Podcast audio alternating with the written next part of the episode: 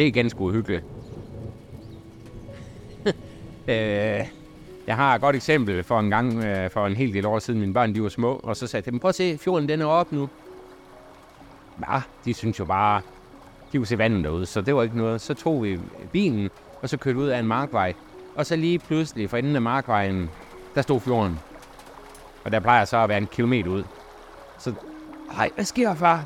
Og de var små børn. Men uh, lige pludselig, så kunne de forstå, at øh, det her, det er jo helt vildt. Når det har været aller værst øh, med Vestenvind, der så er vi cirka en øh, tredjedel af os der, der har været oversvømmet. Altså, men det er det udyrker areal, der bliver oversvømmet. Men, men vi er lige oppe i kanten af det dyrker areal, der også øh, kommer under vand. Nogle steder kan det være ind over de dyrke marker, og andre steder, der kommer det ikke op. Og så når der været saltvand på, det er ikke så godt for hverken afkastning, men det er heller ikke så godt for, for de marker, der er i kultur. Jamen altså, det er jo en øh, mega skræmmende oplevelse at komme ud, men at stå på sin marker og se der, at øh, hegn er, bliver rykket ned, og der bare er vand, og man kan se lidt siv, der stikker op af fjorden, det er, det, det er barsk. Men, men det er sådan naturen er. Den stemme, du lige har hørt, tilhører landmand og lodsejer Jens Jørgen Andersen. Han deltager i et jordfordelingsprojekt. Men hvilke tanker ligger der bag at tage en del af sin landbrugsjord ud af omdrift, og hvilke muligheder ligger der i at kaste sig ind i sådan et projekt? Det sætter Jens Jørgen ord på i denne podcast, så nu vil jeg give ordet tilbage til Jens Jørgen. Jeg hedder Jens Jørgen Andersen, og jeg bor her to kilometer fra Nørholm, og 5 km fra Aalborg. Øh, lidt bynære, øh, med lidt sommerhusområder og noget omkring os. Og vi driver et landbrug, hvor vi har 200 køer med mælkerobotter. Og så har vi haft øh, ca. 250 hektar. Og øh, hvor vi har en, haft 80 hektar naturareal, altså stranding. Og øh, resten har så været øh, dyrkbar, og noget er været velegnet til græs, og noget har været mere velegnet til korn. Øh, så det var gode ud- udviklingsmuligheder med, med hensyn til kvægdrift. Øh, mig og lavbundsjord øh, til nogle fornuftige penge. Så jeg har egentlig fået sammenlagt et øh, stort areal, øh, og så vil jeg få en fin ejendom, synes vi.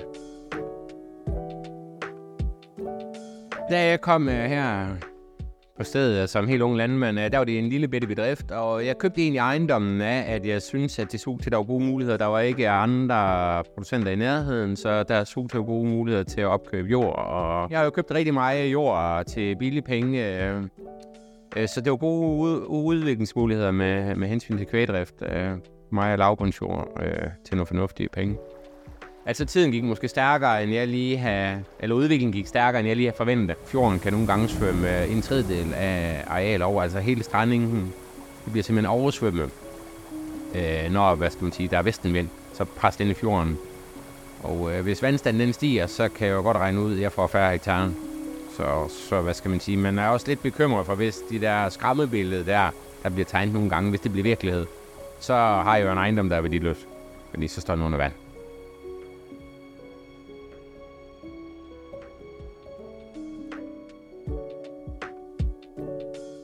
Jamen, øh, jeg bliver jo kontaktet af Landbrugsstyrelsen fra Tønder der, og øh, det er nok snart et øh, par år siden, hvor at, øh, det første snak var om det, og det var egentlig et andet projekt, de startede med. Og så begyndte de at spørge lidt til ud af vores område her, om, øh, om vi kunne være interesseret, for jeg havde i to områder, jeg havde jord. Så i første omgang, så var det egentlig ikke, fordi jeg var synderligt interesseret. Som sagt, jeg er kun 52, så det var lidt tidligt at holde. Så sagde jeg, men man kan jo altid spille med, fordi vi havde jo for at vide, at vi kunne bare sige nej, hvis det var.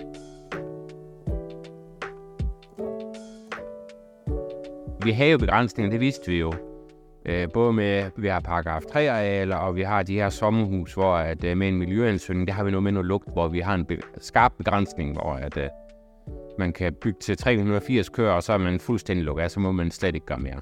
Og, og det bliver ikke anderledes på grund af lugten. Selvom de ligger vest for mig, så har det stadigvæk sådan der. Så, så til det her med ejendommen var jo lidt død alligevel, og øh, vi har naboer Øh, der ligger tæt på, og ikke fordi vi ald- aldrig har haft et problem med naboer, men derfor alligevel, det kan jo komme. Så vi vidste godt lidt, at på et eller andet tidspunkt, så skulle vores ejendom lukke. Altså, om, om det var om 5 år eller om 30 år, det vidste man ikke. Men man vidste godt, at det der med at komme på 1000 kørt et eller andet, det blev aldrig af. Så fordi vi jo egentlig er, hvad skal man sige, adgang nok til arealer, fordi at der er ikke så meget produktion i området. Så vi har egentlig lagt fint med hensyn til både skulle lege jord og købe jord. Men, øh, men det, placeringen var måske ikke super god til fremtiden. Og jeg er i dialog med Landbrugsstyrelsen, og de spørger, hvordan der var ledet, som jeg stadigvæk kunne være interesseret i at deltage og sådan noget. Jamen altså, det kan jo hvis nu, at vi når op på en pris, jeg synes, der er acceptabel. Øh, det er jo sådan hele tiden mit, øh, det er altså, selvfølgelig kan man ikke få en kæmpe overpris, men, men få noget, jeg synes, at, øh, at jeg kan være tjent med. Øh, så er jeg interesseret, og kan jeg ikke det, så er jeg ikke interesseret. Øh, som sagt, jeg har jo ikke økonomisk problem eller noget, så jeg kan fint fortsætte 10 år mere, det var egentlig også min plan fortsætte til at blive 60-62 år eller et eller andet, og så sende køren der. Men det var det der med, at det var, det var nu, at øh, chancen den var der, der, der var en køber. Og øh, jamen, øh, jeg tror, man skal prøve at være åben, hvis man er i et område, hvor man er begrænset, så prøv at tænke ud, altså, og så vil måske være villig til enten at ændre din produktion, eller flytte dig. Altså, Selvfølgelig kan man også øh, have argumenter, man vil blive, altså det er også fair nok, men, men hvis ikke det giver mening, så, så få pengene i lommen, og så finde et nyt sted. Altså, man kan også øh, leve 10 km ned i vejen.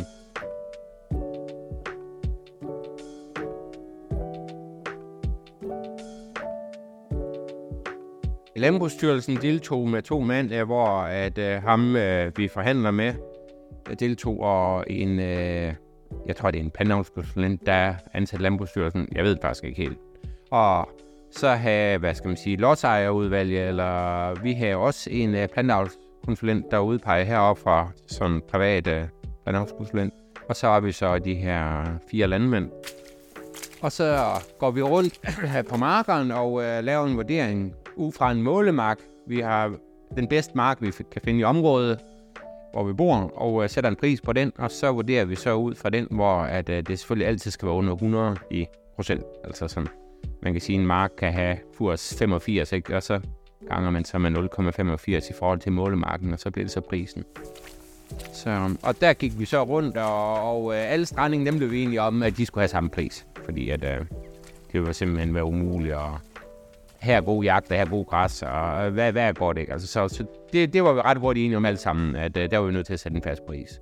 Og ellers så gik vi så rundt med en spade og gravende huller i jorden, og sagde, jamen her er noget godt jord, og her er noget dårligt jord, og hvad er, synes I gennemsnit er her? Og det gik egentlig ganske smidigt med at blive enige om det. Og øh, så, jamen, vi var sådan set efter vurderingen af jord, var vi sådan set nærmest enige. Det var nogle ganske få tusind kroner, og Landbrugsstyrelsen ville heller ikke handle, men altså, de der små øh, uenigheder, der var, øh, jamen, dem blev vi enige om, og så, så blev det skrevet Ja, og så handler det selvfølgelig også om de andre lodsejere, om øh, Landbrugsstyrelsen kan nå til enighed med dem. Vi har jo sådan, hvad skal man sige, hvad snakker over grøften eller over skil, eller hvad skal man sige, også, hvad siger du, og hvad synes du om det, og, og frem og tilbage, ikke? Øh, og en øh, havde hele sin ejendom til salg, og, og, hvad skal man sige, var indstillet på, at øh, han havde sådan set gjort tre projekter, der er i området. Så hvis ellers, at øh, de ville tage hele hans ejendom, så var han villig til at sælge. Og, og den anden, hans suppleringsjord. og øh, for han ville sælge, fordi han, øh, han var ikke så gammel. Han er relativt ny etableret inden for en 5-10 år. Og øh, han kunne så få noget af ham, der solgte hele ejendommen. Og ja, så har været nogle små lodsejere med nogle få hektar, som der så er blevet byttet lidt, og noget, som der så også er blevet tilgodeset.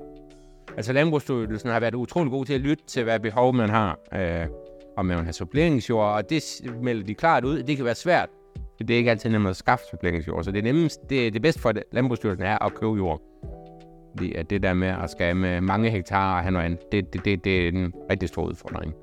Så, men her var de jo så heldige, at de kunne købe mange hektarer, og det var relativt få hektarer suppleringsjord. Så, så derfor var det nok lidt en nem opgave for Landbrugsstyrelsen også. Og de pludselig går det stærkt, og så frem en tænker, at der kan gå flere år, jamen så i løbet af nogle få måneder, ikke, så er der egentlig øh, et stykke papir, hvor der er klar til under, hvis, øh, hvis man er klar.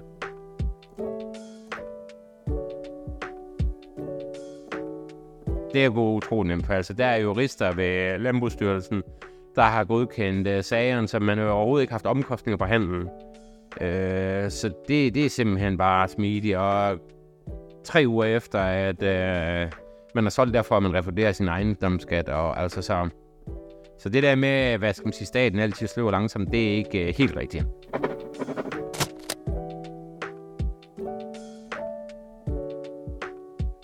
Og når nu engang, at øh, projektet det bliver færdigt, så bliver det afgræsset, og der skal lukkes nogle grøfter, og øh, så skal det hele stadigvæk øh, plejes øh, med afgræsning. Så jeg vil ikke give der bøffer der, hvem der skal spise dem. Det må blive en politisk udfordring.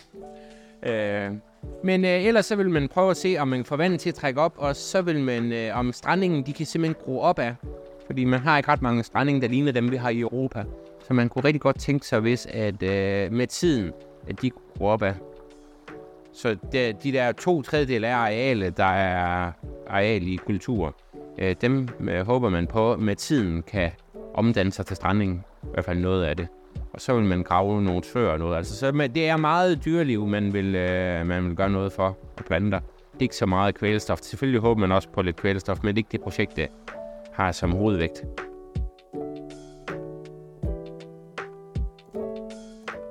For det første, så synes jeg egentlig, det er fint nok, at der er nogen, der vil passe på naturen, og det formår vi jo nok ikke altid selv som landmænd. Altså, hvis vi selv skulle styre, øh, passe på naturen, så blev det måske ikke så godt. Altså, så, så der er måske fint nok, staten vil hjælpe lidt til.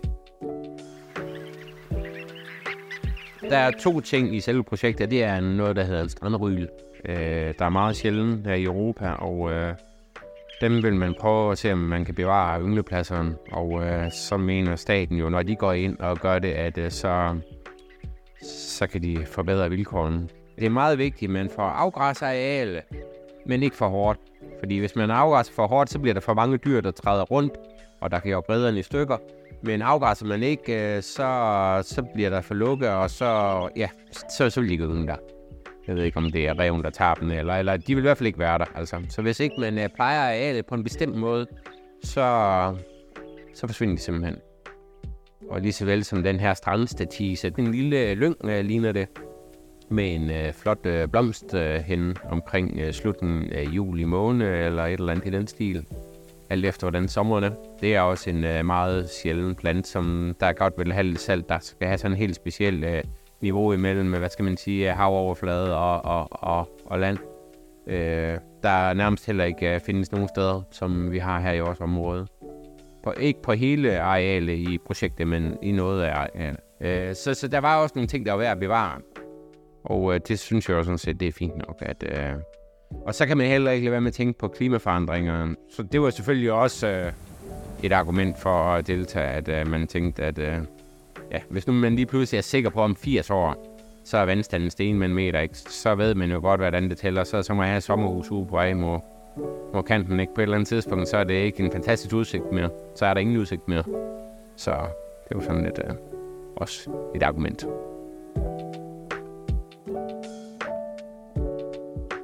Og øh, så ønsker man også en lille smule at komme ud af alt det her kontrolræs og byråkrati. Det ved jeg godt, det vil stadigvæk være, hvis jeg har en produktion med noget studie eller noget.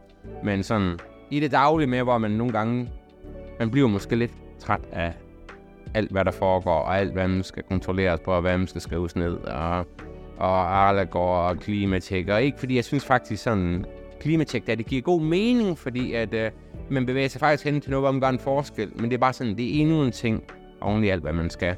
Og der bliver man nok på et eller andet tidspunkt sådan lidt det af ting, man skal holde styr på og kontrolleres på, hvor man lidt føler sig lidt jagtevildt på en eller anden måde, selvom jeg kan også godt se, at det giver mening, men, men, men det er også noget af det, hvor jeg sådan lidt tænker, at øh, jamen, hvis så man laver sig nogle penge, ikke, jamen så hvorfor arbejde til man bliver 70, hvorfor ikke lige så godt begynde at, at nyde livet lidt og tage en ekstra ferie og, og have godt. Øh, ja, vi har kun én gang, så.